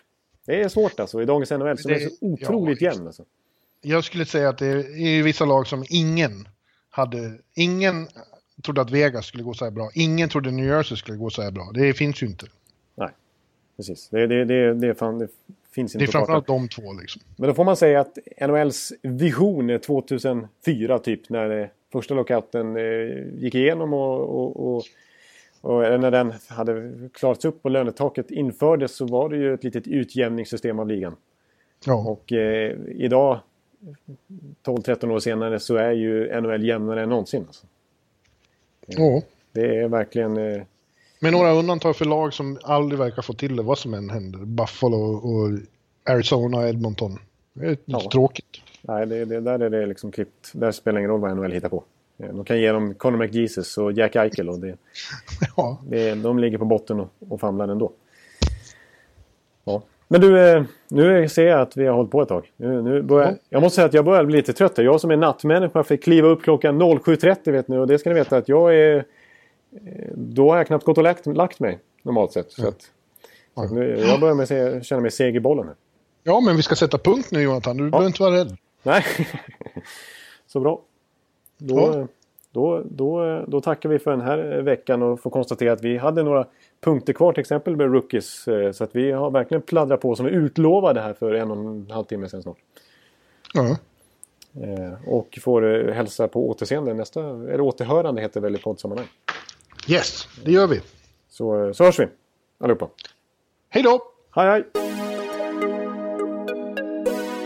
Hallå, hallå, hallå! Hallå, hallå, hallå! Alex Chiazot, Joe Luis Arena och Esposito. Esposito. Uttalsproblem, men vi tjötar ändå. Och alla kan vara lugna, inspelningsknappen är på. Bjuder Hanna Kohl, han är grym i sin roll. Från Kållesoffan har han fullständig kontroll på det som händer och sker. Det blir ju allt fler som rattar in hans blogg. Och lyssna på hans podd. One, two, punch, speed, so Hallå, hallå, hallå!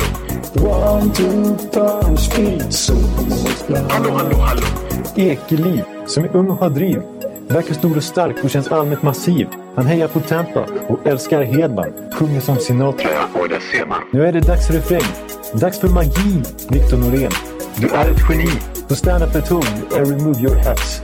Höj volym, för nu är det plats. One, two, punch, speed, so Hallå, hallå, hallå! One, two, punch, speed, so Hallå, hallå, hallå! One, two, punch, speed, so Hallå, hallå, hallå! One, two, punch, speed, so Hallå, hallå, hallå! Det är otroligt länge sedan båda samtidigt var så här bra. Hallå, hallå, hallå! Det är otroligt länge sedan båda samtidigt var så här bra.